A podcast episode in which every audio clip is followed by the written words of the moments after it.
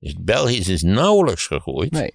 Terwijl wij onze bevolking praktisch verdubbeld hebben in hetzelfde tijds, eh, tijdspannen. Dat is natuurlijk toch een hele opmerkelijke zaak. Hoe kan dat? Omdat wij ons als de konijnen hebben voortgeplant tussen 46 en 68 of zo. Het verlossen, kunt u mij horen? Heb ook die petjes gezien die, eh, die ze voor jou hadden gemaakt. Die boomer, boomerpetten. Ja, maar ik ben dat, laat ik het nog eens een keer uitleggen. Ik heb het al honderdduizend keer uitgelegd. Ik ben geen boomer. Boomers zijn mensen die geboren zijn negen maanden nadat de Duitsers ons land eh, vanwege de bezetting verlaten hadden. En mensen waren daar zo optimistisch over gestemd dat dat gebeurd was. Dat de boomers, dat kun je precies uitrekenen, negen maanden na mei 45, niet waar, beginnen de boomers geboren te worden. We hebben natuurlijk het zuiden is een half jaar eerder bevrijd dan het noorden. Maar ik sla dat als complicerende factor even over. Maar eh, boomers zijn dus mensen die, laten we zeggen, vanaf het voorjaar van 46 zijn geboren. Tot aan welk jaar? Nou, Nederland heeft een, heel merkwaardige ontwikkeling doorgemaakt. Ik heb ook al begrepen dat demografen zich daar echt, echt serieus over op de schedel gekrapt hebben. Namelijk dat wij eh, een kleine twintig jaar een geboortepatroon hadden wat deed denken aan Guatemala of, of andere laten we zeggen, derde wereldlanden waar ze zichzelf op een ongekend succesvolle wijze weten voor te planten. Uh, en dat was natuurlijk voor een, een, ja, traditioneel West-Europees land wel een vrij wonderlijke onderneming. Want de meeste landen hebben helemaal geen, babyboom gehad. Amerika heeft een babyboom gehad. Ik meen, Ierland heeft een babyboom gehad, omdat de kerk daar altijd voor een babyboom zorgde. Uh, en Nederland.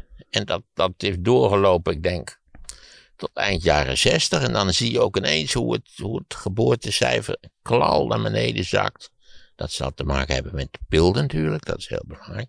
Dat zal te maken hebben met de stijging van het. Dat heeft altijd als gevolg dat vrouwen dus eh, niet meer voortdurend zwanger worden. Omdat ze ook beginnen te begrijpen hoe het ongeveer in elkaar zit. Dat speelt een rol in stijgende welvaart. Als je een eind wil maken aan hoge geboortecijfers, patentmiddel is later wel waard van ja, Je ziet dat in China, hè? Ja, dan houdt meteen. Maar daar waren ze zo gewend geraakt in die één kind politiek. Dat nu de regering iets anders wil. Dat het heel moeilijk is. Ik begreep dat het. Je mag nu zelfs drie kinderen krijgen. Maar dat, dat, eh, dat de meeste Chinezen daar helemaal geen zin in hebben. Die willen genieten van hun autootje. Hun elektrische fiets. Hun flatscreen. Nou ja, al die, al die handel niet waar, die met de welvaart eh, over ons komt. Ja, maar hoe heet jij dan als je geen boomer bent? Wat is dan de definitie? Ja, daar is een term voor die generatie. Dat is jaren 30 en de oorlogsjaren natuurlijk.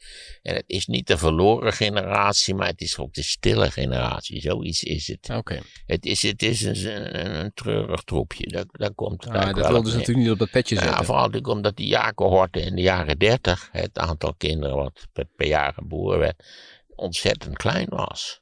Ik ben van 43, dat is ook een heel klein jaarcohort. Maar, maar in de jaren 30 zijn er wel jaarcohorten geweest die nog kleiner waren.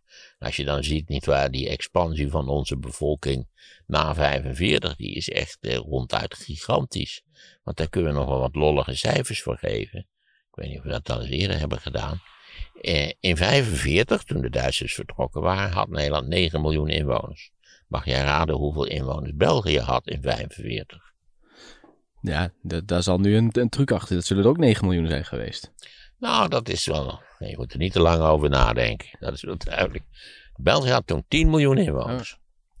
Nu is mijn vraag: hoeveel inwoners heeft Nederland op dit moment? Nou, dat zijn er meer dan 17 miljoen. Ja, dat is op weg. We zijn op weg naar de 18. Ja. En die 18 die gaan we ook wel halen, dat voel je wel aan je water. Maar nu is mijn tweede vraag hier in dit verband: Hoeveel inwoners heeft België tegenwoordig? Ik denk dat dat minder hard gegroeid is. Dat, dat, dat is een heel voorzichtig antwoord. Ja. Studenten zijn er ook altijd goed in, dat soort van antwoorden. Uh, ja, is er een kans dat morgen de zon opkomt? Ja, ik denk het wel. Zo dat werkt. België heeft nu, als ik het wel heb, 11 miljoen inwoners. Ja. is hetzelfde wat je in Duitsland ziet. België is dus nauwelijks gegroeid. Nee. Terwijl wij onze bevolking praktisch verdubbeld hebben in hetzelfde tijds, eh, tijdspannen. Dat is natuurlijk toch een hele opmerkelijke zaak. Hoe kan dat? Omdat wij ons als de konijnen hebben voortgeplant tussen 46 en 68 of zo.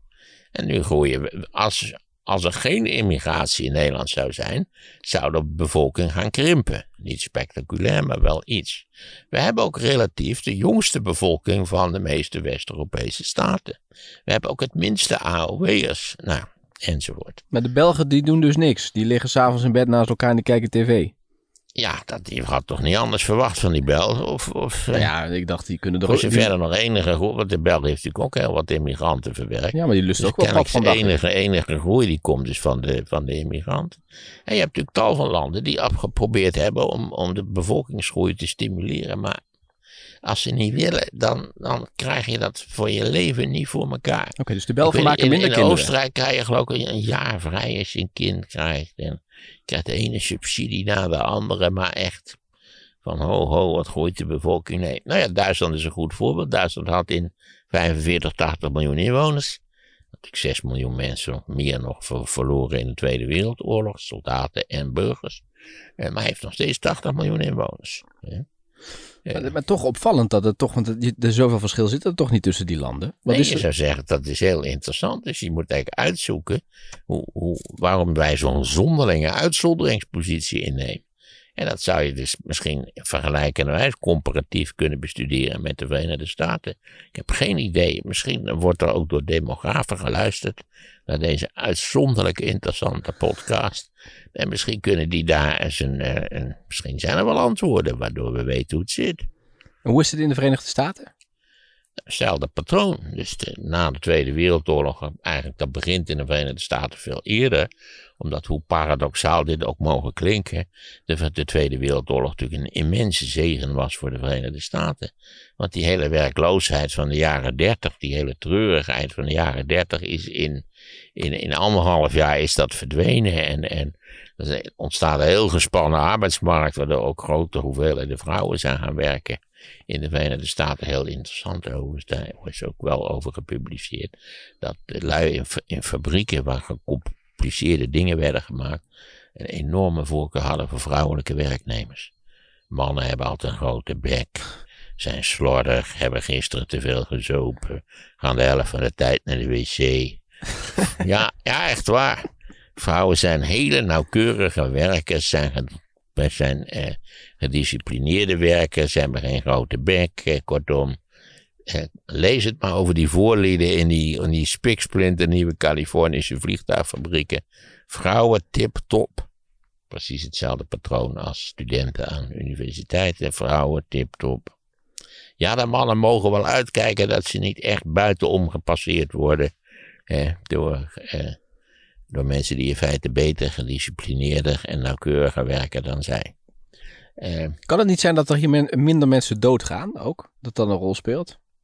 Nou, wij worden alsmaar ouder, dat is waar. Een van de meest verrassende ontwikkelingen in Nederland is dat mannen bijvoorbeeld, de levensverwachting van mannen nog de afgelopen twintig jaar vrij spectaculair gestegen is. Wel met kwalen, hè, van ik ben ik zelf ook een goed voorbeeld van natuurlijk, met kwalen. Maar eh, ja, die is fors toegenomen. Dat is ook voor verzekeringsbedrijven en zo. Dat, dat kan echt fors schelen. Ja, voor de Ik pensioenen. denk dat de- mijn geboortecohort, toen van 43 een levensverwachting had bij geboorte, nou van 71, misschien 72. En mannen naderen nu qua levensverwachting eh, de 80. Vrouwen zitten daar al overheen, omdat vrouwen altijd een paar jaar ouder worden dan mannen. Overigens ook met kwalen, maar goed. eh, vrouwen, hebben, vrouwen hebben volgens mij in Nederland een levensverwachting bij geboorte van 83, misschien al wel 84, dat weet ik niet. Het interessante van de autochtone Nederlanders is dat zij zich niet meer voortplanten. Ze hebben dus die immense spurt van de boom, hebben ze, de babyboomers hebben ze gemaakt. Dat moet wat geweest zijn, hè, dat die lui, zo'n echtpaar s'avonds aan tafel, ja, tv was er nog niet.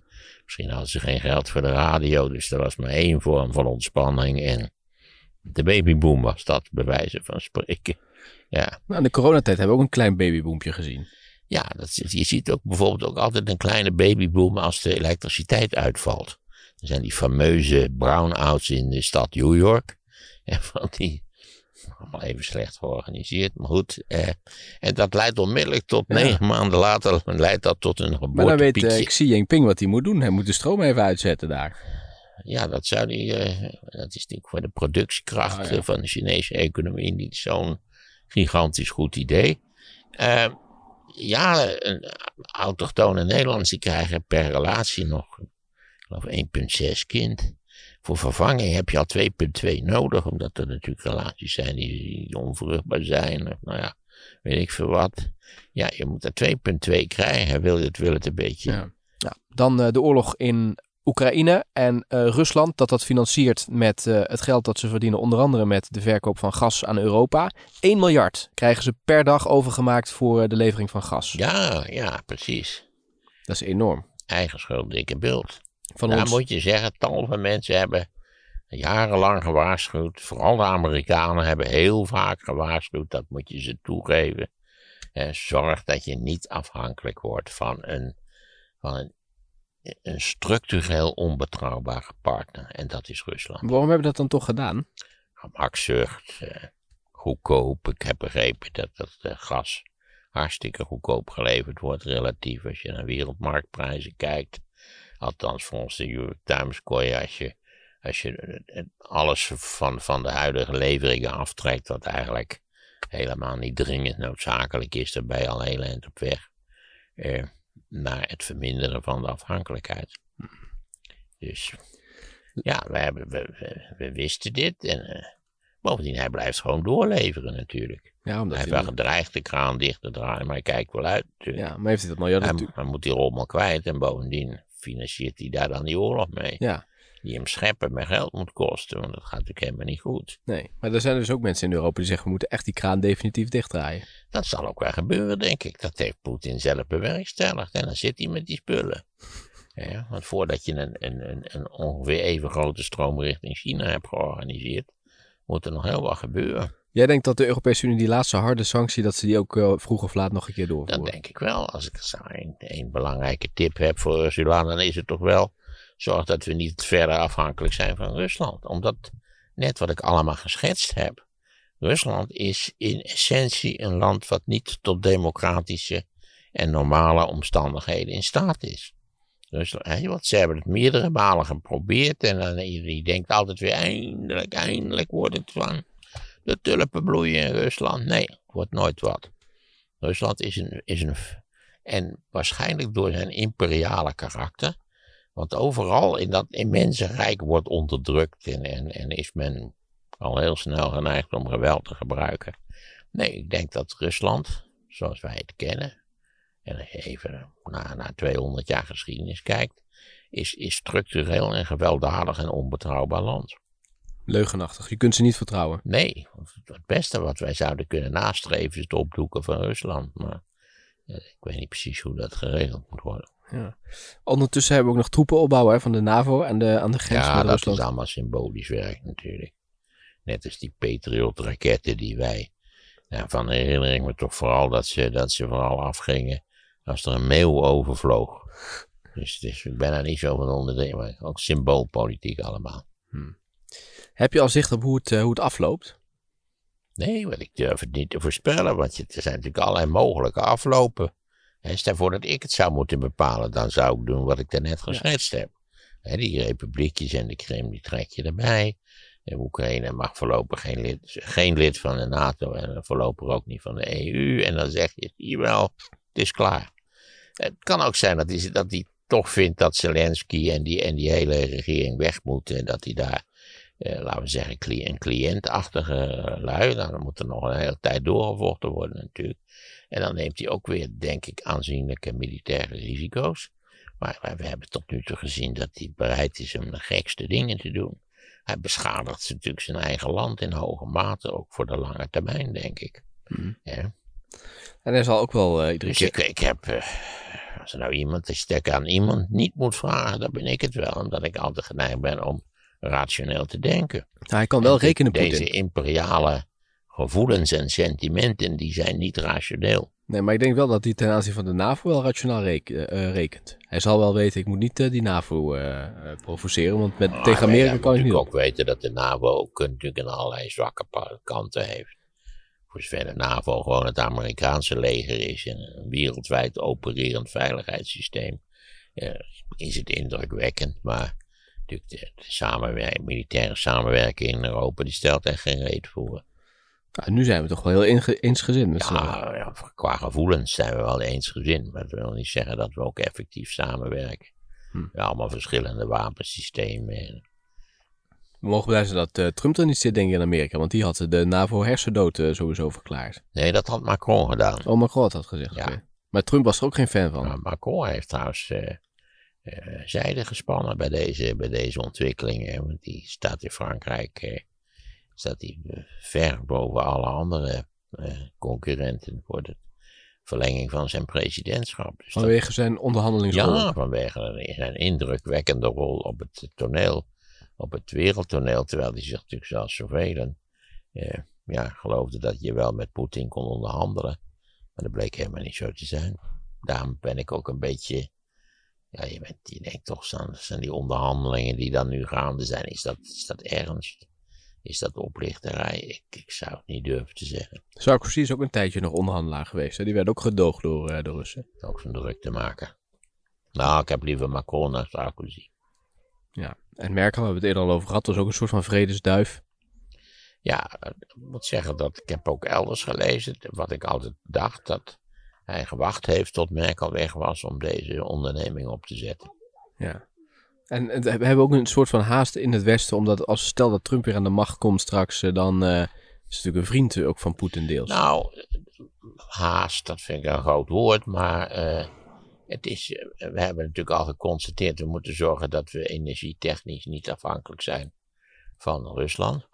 Maar we moeten ook eh, op afzienbare termijn zorgen dat we niet afhankelijk zijn van de Verenigde Staten. Ik heb al eerder opgemerkt dat dat een onbetrouwbare bondgenoot is geworden. Ja, Het Amerikaanse systeem is zo, politieke systeem is zo ziek, niet waar? Een hele vitale economie in allerlei opzichten, wetenschap enzovoort. Maar ja, het, het politieke systeem is, eh, wordt bemand door alle vergaren, dus ja, dan Ja. zit je wel met een groot probleem. Dus we moeten vooral zorgen dat we niet afhankelijk eh, zijn, ook op de middellange termijn van de Amerikanen. Ja. Dat wordt ook wel een beetje tijd. Eh, Potverdrie, hoe lang is 45? Dat is 77 jaar na de Tweede Wereldoorlog. eh, moeten we toch ook onze eigen militaire broek op kunnen houden. Wel- we vonden het gewoon wel makkelijk en goedkoop om het niet te doen. wel opvallend dat eh, die Amerikanen hebben gezegd, eh, het strafhof in Den Haag moet maar eens gaan onderzoeken wat die Poetin allemaal doet Ja. in eh, Oekraïne. Terwijl, Terwijl ze- zij een anti zijn. Ja, Ja, Ze herkennen dat helemaal niet.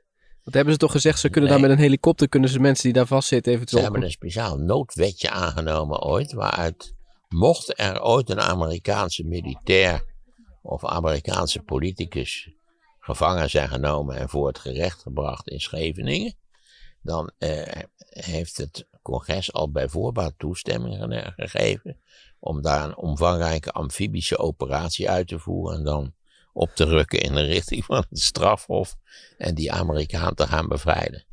Je weet dat ik ontzettend hoopte dat dat in mijn leven nog zou gebeuren en dat ik dan commentaar mag geven.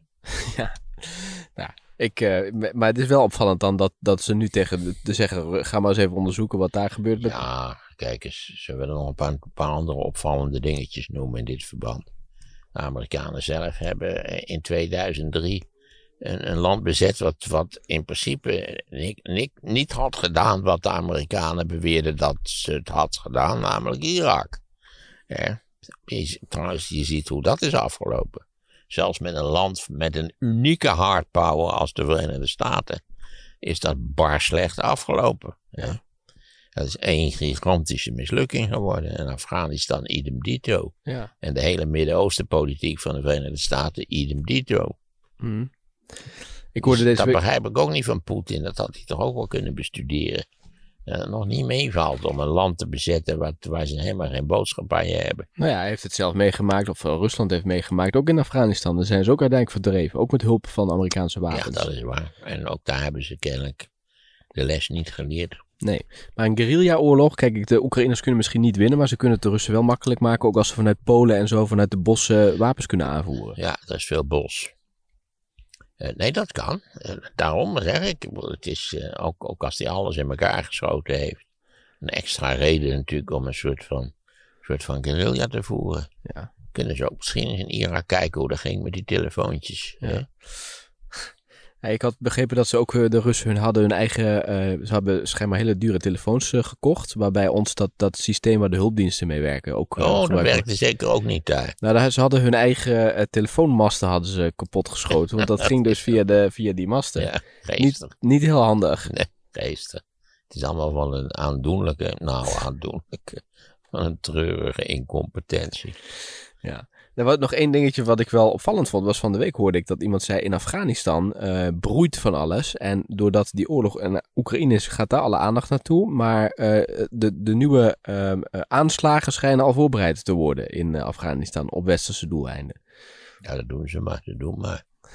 Maar ze, ze lijden daar honger, dat is dramatisch. Het is een grote ramp is daar in, in, in aanmaak.